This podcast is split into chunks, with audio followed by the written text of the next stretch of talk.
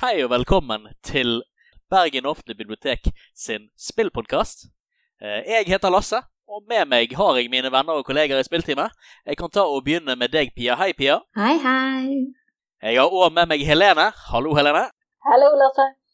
Og sist, men ikke minst, har jeg òg med meg Lene. Hei, Lene. Hei, Lasse. I dag tenker at vi skal snakke om nostalgi og våre spillopplevelser der. Nostalgi er jo så klart den følelsen man får når man tenker på alle de positive opplevelsene man hadde før i tiden, som fyller deg med varme, fyller deg med glede. Og så klart mange spillopplevelser man kanskje hadde når man var unge, eller kanskje man hadde for en uke siden, fører til disse tankene på oss. Vi kan ta og begynne med deg, Helene. Har du eh, noen nostalgiske spillminner du kan dele? Ja, da tenkte jeg at jeg først skulle gå for eh, Fordi at det, det, som er, er at eh, jeg vokste ikke opp med en Nintendo 64 i huset. Jeg vokste opp med PlayStation. Eh, så da var den store eh, spillserien det var jo Crash, Crash Bandicoot. Uh, og det spillet fra den serien jeg har mest minner av, det er da denne her Crash Team Racing som var deres versjon av Mario Kart. Eh, som jeg har veldig mye minner om, eh, både med å spille med min eh, storebror eller spille med mamma. Eh, og ha venner på besøk og spille det. Eh, og så dro vi til andre venner for å spille disse her eh, Mario-spillene, sånn som Mario Kart. Ja, det høres ut som det var en veldig sosial opplevelse. Hadde du var dette noe du har mye nostalgiske minner på fordi du delte det med mange, eller er det noe annet som har brent seg fast der i, i bevisstheten din? Nei, det er nok eh, disse her eh, minnene når det gjelder akkurat eh, det spillet. Fordi at jeg husker veldig lite fra spillet, altså hvordan det funket og sånt. Jeg har liksom et bilde på hvordan det så ut og sånt, men akkurat spillmekanikken og sånne type ting, det husker jeg ikke. Men jeg husker det veldig godt, og jeg tror det er litt sånn fordi at det var et spill sånn som mamma var med å spille og sånt. Det var ikke, ja, ikke foreldre som var veldig sånn på spilling, men akkurat det spillet var hun med på å spille. Mm. Det høres ut som vi skulle hatt med noen fra Psykiateket, biblioteket sin psykologipodkast og programmer. Vi skulle hatt med for å forklare oss litt om, om hvordan da disse her minnene fungerer. Eh, men vi kan jo ta og gå til deg, Lene. Har du, eh, spilte du Crash Bandicoot eller uh, Crash Team Racing noen gang? Jeg spilte begge deler, faktisk. Eh, vi hadde både PlayStation og Nintendo 64, så mm. eh, jeg vant. Eh, Crash Bandicoot spilte vi på stefaren min sin eh, PlayStation, eh, men vi spilte bare én level om igjen og om igjen. Eh, så når jeg da i voksen alder prøvde å spille Crash Bandicoot på ny, så fant jeg ut at det var jo et litt annet spill enn det jeg husker. Um, men i forhold til Crash uh, Racing så hadde jeg òg et racingspill jeg spilte med søskenbarna mine hver gang vi møttes på sånn familiefester. Uh, så samles vi sånn ti søskenbarn rundt en Nintendo 64 og spilte Snowboard Kids. Som er Mario Kart, uh, men med snowboard. der husker jeg veldig mye av gameplayet, for det at du kan samle sånne forskjellige ting som gjør deg raskere på snowboard, eller de andre treigere på snowboard. Jeg husker søsteren min som er en veldig dårlig taper. Eh, hvis det var veldig tydelig at hun kom til å tape, så bare eh, svingte hun inn mot en vegg og sto der. ja, klassisk sabotasje. Hva med deg, Pia? Har du spilt Crash Bandicoot, Crash Team Racing, eventuelt Snowboard Kids i det hele tatt? Eh, faktisk ikke ikke Men jeg minst å huske at det var én i klassen som hadde Crash Bandicoot. Uh, bare at uh, jeg er sånn mer Mario Kart-person, så av sånne racingspill så var det vel det det gikk i, og da var vi en gjeng på skolen som dro hjem i storefri. Det var en som bodde veldig nærme skolen. Så spilte vi Mario Kart, og så dro vi tilbake. Så det er liksom veldig sånn med på den sosiale spillinga, da. Men ingen av de nevnte spillene, bortsett fra Mario Kart, som jeg har spilt. Nei, jeg har heller ikke spilt noe særlig av verken Crash Team Racing eller egentlig Mario Kart heller. Jeg spilte det borte hos en kompis husker jeg, på barneskolen. Han hadde akkurat fått seg Super Nintendo, og da satt vi der. Og det var jo så klart veldig gøy, men det var veldig altså, det små bruddstykker. Jeg har større uh, nostalgiske følelser tilknyttet uh, samme kompisen, forresten. Men han hadde en, en en CD med shareware-spill som liksom var en haug med Eller ikke shareware, masse demoer. Der det var et veldig Mario Kart-aktig eh, eh, bilspill man kunne spille på PC, eh, der det da demoen kun inneholdt det første eh, nivået. Og Det fikk, jeg til å, fikk meg til å tenke på når du snakket, eh, Helene, om det der ene brettet som du spilte om og om igjen. Det var veldig mye som min opplevelse da med det Shareware-spillet. men liksom, Det kun var ett brett man kunne spille, og vi spilte det så, så mye. Eh, det jeg egentlig har spilt mest av når det kommer til bilspill, er jo rock'n'roll racing, som uh, uh, var utviklet av Blizzard, faktisk, tror jeg. Uh, eventuelt Activision. Uh, og da var det da at det var et, et, et, sånt kjørespill, uh, men det var også gøy at du hadde liksom de midi-versjonen av klassiske rockehits i bakgrunnen, som liksom holdt opplevelsen gående med liksom, å, kul musikk. Og i tillegg så var det jo dette her et litt mer krigerlig, krigerlig spill, der du da skulle skyte vekk motstanderne dine med raketter og kanoner og sånt. Det var kjempe, kjempegøy. Har noen av dere spilt rock'n'roll racing? Nei, men fikk lyst til det når du snakket om det, særlig med at det var liksom rockehits i bakgrunnen. Ja, det er super, super kult, altså. Så, eh, det finnes ikke på diverse sånne eh, flash-sider eller sånt. Eventuelt så kan du ta inn på YouTube og få med deg litt av gameplay og den gode, klassiske midi-musikken, tenker jeg. Det er absolutt verdt en opplevelse sjøl. Det er kanskje Det er jo kommet ut de der uh, mini-Super Nintendoene som går an å kjøpe. De har jo en, en ganske stor kolleksjon av uh, gode spill på seg. Om den har rock'n'roll racing eller ikke, det vet jeg ikke, men det kan være verdt å sjekke hvis du har en tilgjengelig i nærheten. Uansett, vi kan ta og gå litt videre. Uh, Pia, har du noen andre spill du har, har noen nostalgiske tilknytninger til? Ja, det har jeg. Um, ja, um, jeg var jo velsignet med en Nintendo 64 som jeg delte med min bror. Så der var jo den store høyderen eh, The Legend of Zelda of Garena of Time. Jeg ble veldig hekta på Zelda. Eh, kan nesten si jeg var forelska i Link og ville bli alv. Eh, jeg husker jeg drev og liksom brettet ørene mine litt sånn for å få litt sånn derre spisse i tuppen. Sto for å speile hvordan vil jeg se ut som alv. Eh, så det ble en sånn stor greie på slutten av barneskolen og jeg så å si levde i Hyrule mellom fjerde og syvende klasse. Um, så det var veldig jeg elsket jo spillet, men også alt det man kan gjøre rundt et spill. Så det på en måte førte til veldig mye kreativitet, som at jeg lagde et uh, spirit shield, snekret og malte. Um, et sånt skjold som jeg gikk rundt og lekte med og ga ut Hyrule-posten og også en liten, liten avis som den, den heter Den lille Selda-avisen, sammen med en venninne. Vi to lagde disse og sendte til hverandre.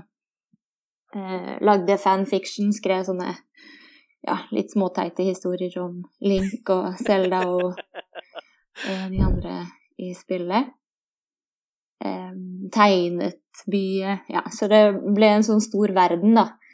Eh, så jeg har veldig mye nostalgi knytta til akkurat det spillet. Og eh, sikkert også det som gjorde at jeg gikk veldig iherdig inn for å spille piano sånn for jeg lærte meg de der små ocarina-snuttene på piano. Så det er, liksom, det er mange ting som dette spillet har ført til, da. Eh, på godt og vondt. Um, men eh, det var nesten som å leve i en parallell verden i de åra der. Um, ja. Så Men jeg, jeg, tenkte liksom at jeg kanskje kom til å bli noe som Breath of the Wild har kommet. Eh, eller nå er det jo en stund siden, så jeg trodde jeg skulle klare å liksom gå like med like stor innsats inn i det spillet, men det har jeg faktisk ikke klart. Så jeg lurer på om det er noe med tålmodigheten og innlevelsesevnen som svekkes i løpet av livet, som gjør at man fortsatt liker de gamle spillene best. Eller jeg vet ikke helt, men det er bare en sånn tanke jeg har. At det er ingenting som slår Ocarina of Time, på en måte. sikkert rett i at altså det som virkelig fengte oss mye mer når vi var unge og upåvirket, det vil jo henge mer fast i oss. Men igjen, dette er nok noen som vet mye bedre enn meg, som egentlig bør snakke om. Uh, når du nevnte det med å lage et skjold og sånt, det minte meg på en nostalgisk minne fra min barndom. Når vi hadde sløyd i 5-6 klasse. Uh, da husker jeg at det var jeg og en kompis. Vi, vi lagde både skjold og tresverd, eh, Mm. modellert etter eh, mestersverdet i eh, Zelda 3 Link to the Past Oh, i sløyden. Og det var jo kjempe, kjempegøy. Så de vi skal rundt utenfor sløyden og dasket hverandre med i sverdene her, og det er jo sånn det er. jeg lurer på om det er lov å lage det nå? Hvis man liksom har lyst til å Har de sløyd? Har de sløyd fremdeles? Er det et fag som man har, eller er det blitt kuttet? Jeg tror, jeg tror Jeg vet jo ikke hva det. som skjer på skolen lenger. Det er jo mye stort, tungt og farlig maskineri. Nei, Jeg, jeg vet ikke hvordan barneskolen fungerer, jeg, så der har jeg ingen, ingen inputs. Mhm. Men hva med deg, eh, Lene? Har du eh, noe særlig eh, tilknytning til Legend of Zelda-serien? Eventuelt kanskje til Ocarina of Time spesifikt?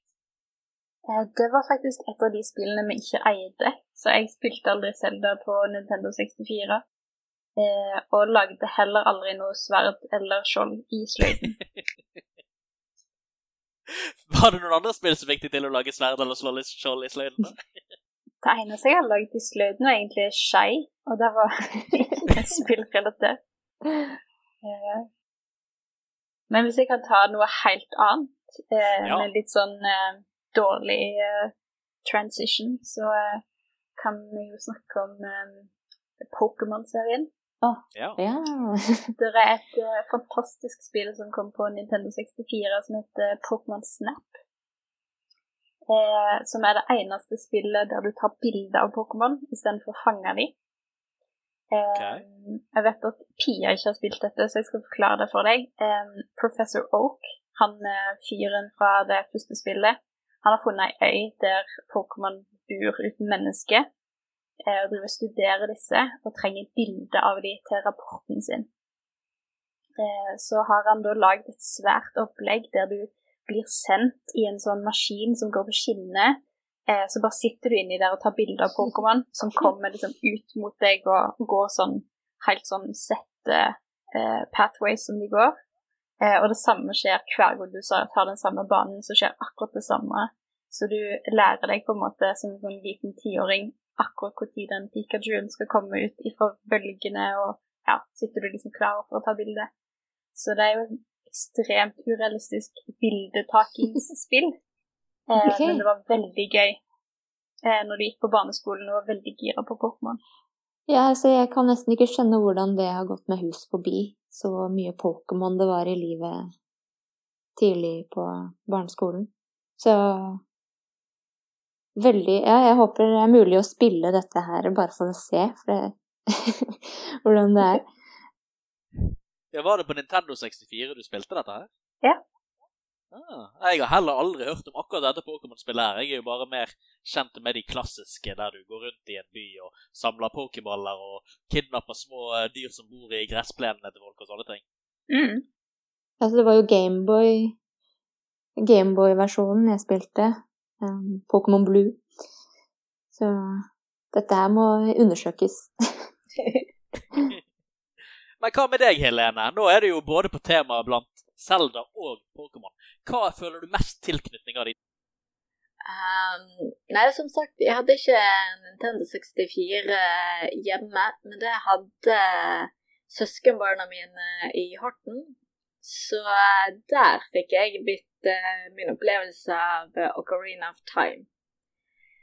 Uh, og det var vel også der jeg fikk oppleve Pokémon Snap. Eh, og har det Når Lene forteller eh, hva prinsipp Altså hva utgangspunktet spillet har, det husker jeg ikke noe om at det faktisk var en grunn for at du var på den øya. Men jeg husker den der banen og skulle liksom klare Du måtte kjøre gjennom et par ganger. Ok, nå vet du akkurat når alle Pokémonene kommer ut, for å få de bildene. Og få den gode kvaliteten på eh, bildene og sånt. Det var eh, Det må være et av tidenes mest undervurderte Pokémon-spill, altså. Det, det står jeg ved. Ja, nei, som sagt, jeg har heller aldri hørt om dette spillet før i det hele tatt. Men det høres ut som et veldig annerledes konsept som ofte kan være veldig appellerende, men òg veldig Altså det kan skremme vekk folk fordi det er annerledes enn hva man er vant til. Kanskje det er derfor vi ikke har hørt noe særlig om det. Ja, så det er Jeg vet ikke om jeg forbinder det sammen med Pokémon Stadium. Eh, de to var jo det som de store Pokémon Eller de Pokémon-spillene på Nintendo 64. Men Stadium ble jo veldig populært, eh, men der har du liksom Da tar du bare battles eh, fra Pokémon-serien, og du har liksom det hele tiden, på en måte, og så noen minigames. Mens Pokémon Snap Minigamesene var jo fantastiske, da. Det var de. Det er de jeg husker mest av. når du, det minigamet med Lickitung når du skal samle litt mat og ikke Ja! bli forgifta og sånne ting. Helt fantastisk. um, så jeg vet ikke om folk liksom følte at Pokémon Snap føltes ut som et minigame. Altså, Det er derfor det ikke ble så populært, men det var fantastisk. Hvis du får sjansen til å spille det, så må du det. Ja, jeg hører dere rett og fra nostalgiens hjerte. Det er en sterk anbefaling av Pokémon Snap for oss alle som ikke har forsøkt det. Eh, Men hva med deg, Lene? Har du noen nostalgiske minner du vil dele? Du har jo så vidt nevnt eh, både det snowboardspillet og, og eh, Pokémon her nå, men har du et annet du kan tenke på? Eller vil du utdype på de du allerede har snakket om? Nei Det er det vanskelig? Jeg føler jeg har sagt det jeg vil si, men det jeg føler ofte kan være fint når du trenger litt sånn nostalgiske tanker i livet ditt, er jo å finne eh, musikken til de Ja. spillene Ja. du spilte, og bare høre de på YouTube. Det er helt fantastisk. Eh, Snowboard Kids har et sånn fantastisk sånn midi eh, Nintendo 64-kvalitet eh, soundtrack. Eh, som da, når jeg hører det, bare tenker jeg på alle de gangene vi satt og spilte akkurat den samme banen. Eh, om igjen og om igjen. Jeg lurer på om det er derfor vi er så nostalgiske. For det at vi var ti år, så hadde vi ingenting bedre å gjøre på. Så vi gjorde jo bare det samme om igjen og om igjen og om igjen. om igjen, om igjen. Men vi hadde jo òg motivasjon til å gjøre disse tingene så mye. Altså Som Pia så vidt nevnte i sted. Altså, nå er det, hun, hun vil ha lyst til å sette seg ned med Breath of the Wild. Hun har lyst til å bli dratt inn i Hyrule på samme måten som hun gjorde når hun var mye yngre. Men det skjer ikke. Så det, det er et eller annet om det er tålmodigheten vår, om vi bare ikke er der lenger, om vi ikke klarer å, å ta inn sanseinntrykk på samme måte. Jeg vet ikke. Sånn er det å være gammel. Ja, det var veldig Jeg ble overrasket. Nei, men vi kan ta og gå videre. Jeg kan snakke litt om uh, hva jeg har uh, mye nostalgiske uh, assosiasjoner til, og da tenker jeg så klart på Warhammer. Spillene, Warhammer-hobbyen i sin helhet. Altså Dette her er jo en veldig omfattende og så klart dyr hobby, spesielt hvis du er liten uten inntekt. Eh, men han er uansett fantastisk. Jeg begynte med Warhammer eh, som ti- eller elleveåring. Eh, med liksom å kjøpe inn disse små miniatyrene, plastikkminiatyrene som man skulle da kutte ut og bygge sammen og male for å liksom lage store hærer du kunne slåss mot andre folk med tilsvarende hærer med. Eh, Så klart, Jeg hadde aldri penger nok til å lage meg store hærer, og jeg kjente egentlig ikke så veldig mange andre som hadde store hærer, så det ble mest til bygging og maling-delen av hobbyen.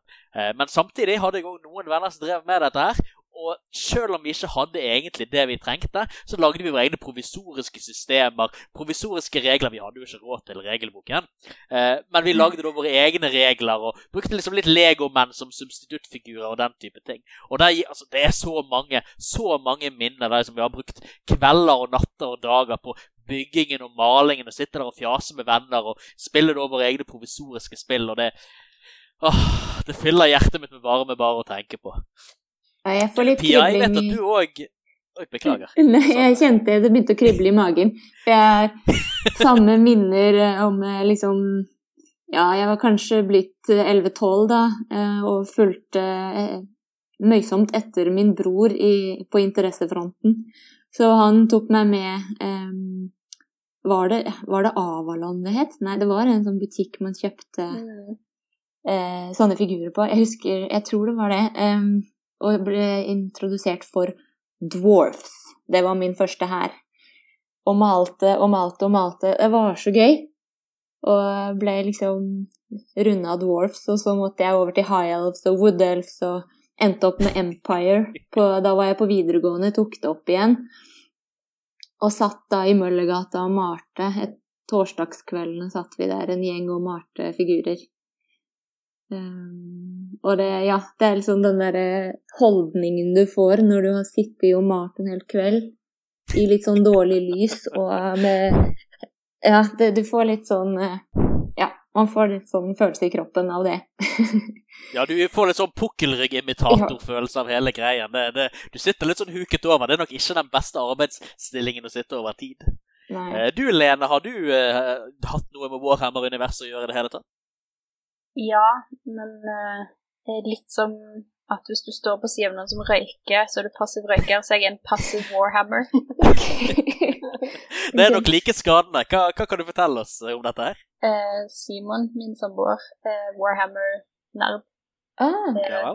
Vi har alle bøkene, alle kodeksene til alle hærene han ikke har, alle figurene som ikke er malt, fordi Dette han tør jo ikke male de. Dette høres veldig kjent ut. Men, ja. Men hvorfor vil han ikke male de? Kan jeg spørre om det? Nei, han har ikke fingerferdigheten, mener han, så han er redd for å ødelegge de. Ok. Ja, men dette må han jo bygge opp. Oi, oi, oi. Simon, Simon, hvis du hører, sett deg ned og begynn.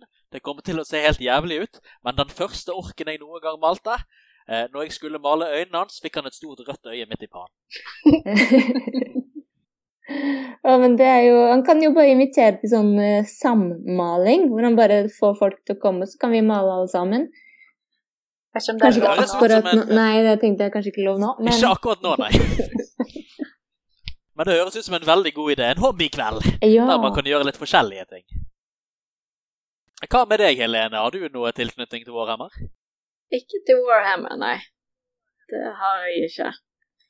Det, når det gjelder sånne universer og samling av uh, ting og sånt, så tenker jeg på uh, Jeg har ikke lyst til å vite hvor mange Magic the Gathering-kort jeg har.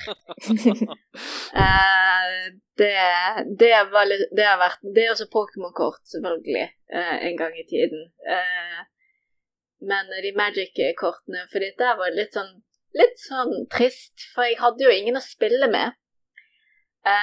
Men jeg drev og kjøpte kort. Jeg drev og lagde, bygget dekkene og har skikkelig hadde skikkelig gode dekk og alt sånt, men dessverre ingen å, å spille med den gang, da. Men det gjorde bare at eh, jeg tok og lærte opp eh, fetterne mine som er ti år yngre enn meg, til å eh, begynne å spille.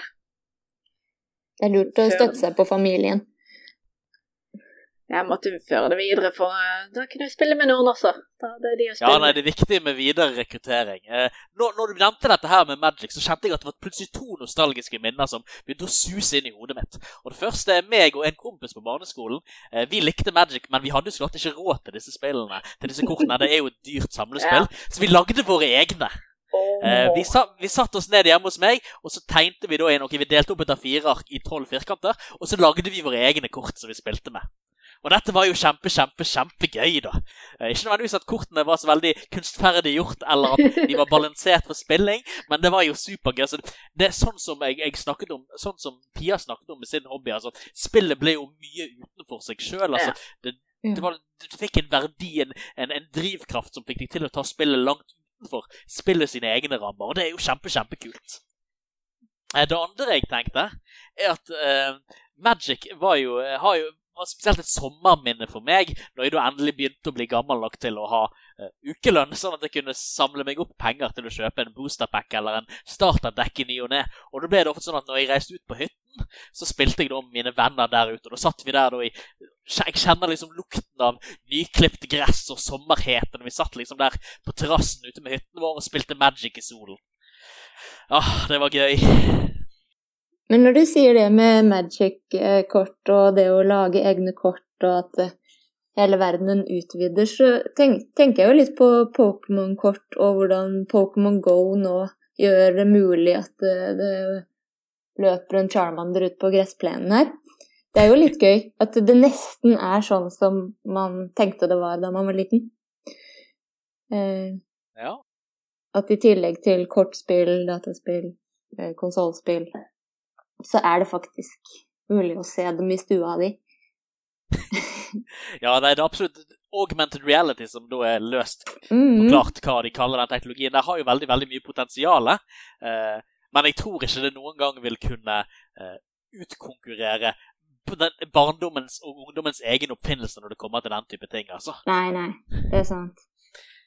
Eh, vi begynner å nærme oss Ja, vi har noen minutter igjen, så noe superkrise er det ikke. Men vi kan ta og snakke med deg, Helene. Har du et lite, en lite nostalgisk minne til du vil kanskje dele med oss? Ja, men det er ikke så lite, dessverre. Nei, men begynn, og så ser vi hvor langt vi kommer. Nei, eh, det spillet som har eh, størst plass fortsatt i hjertet mitt, det er jo da Kingdom Hearts-serien. Ja.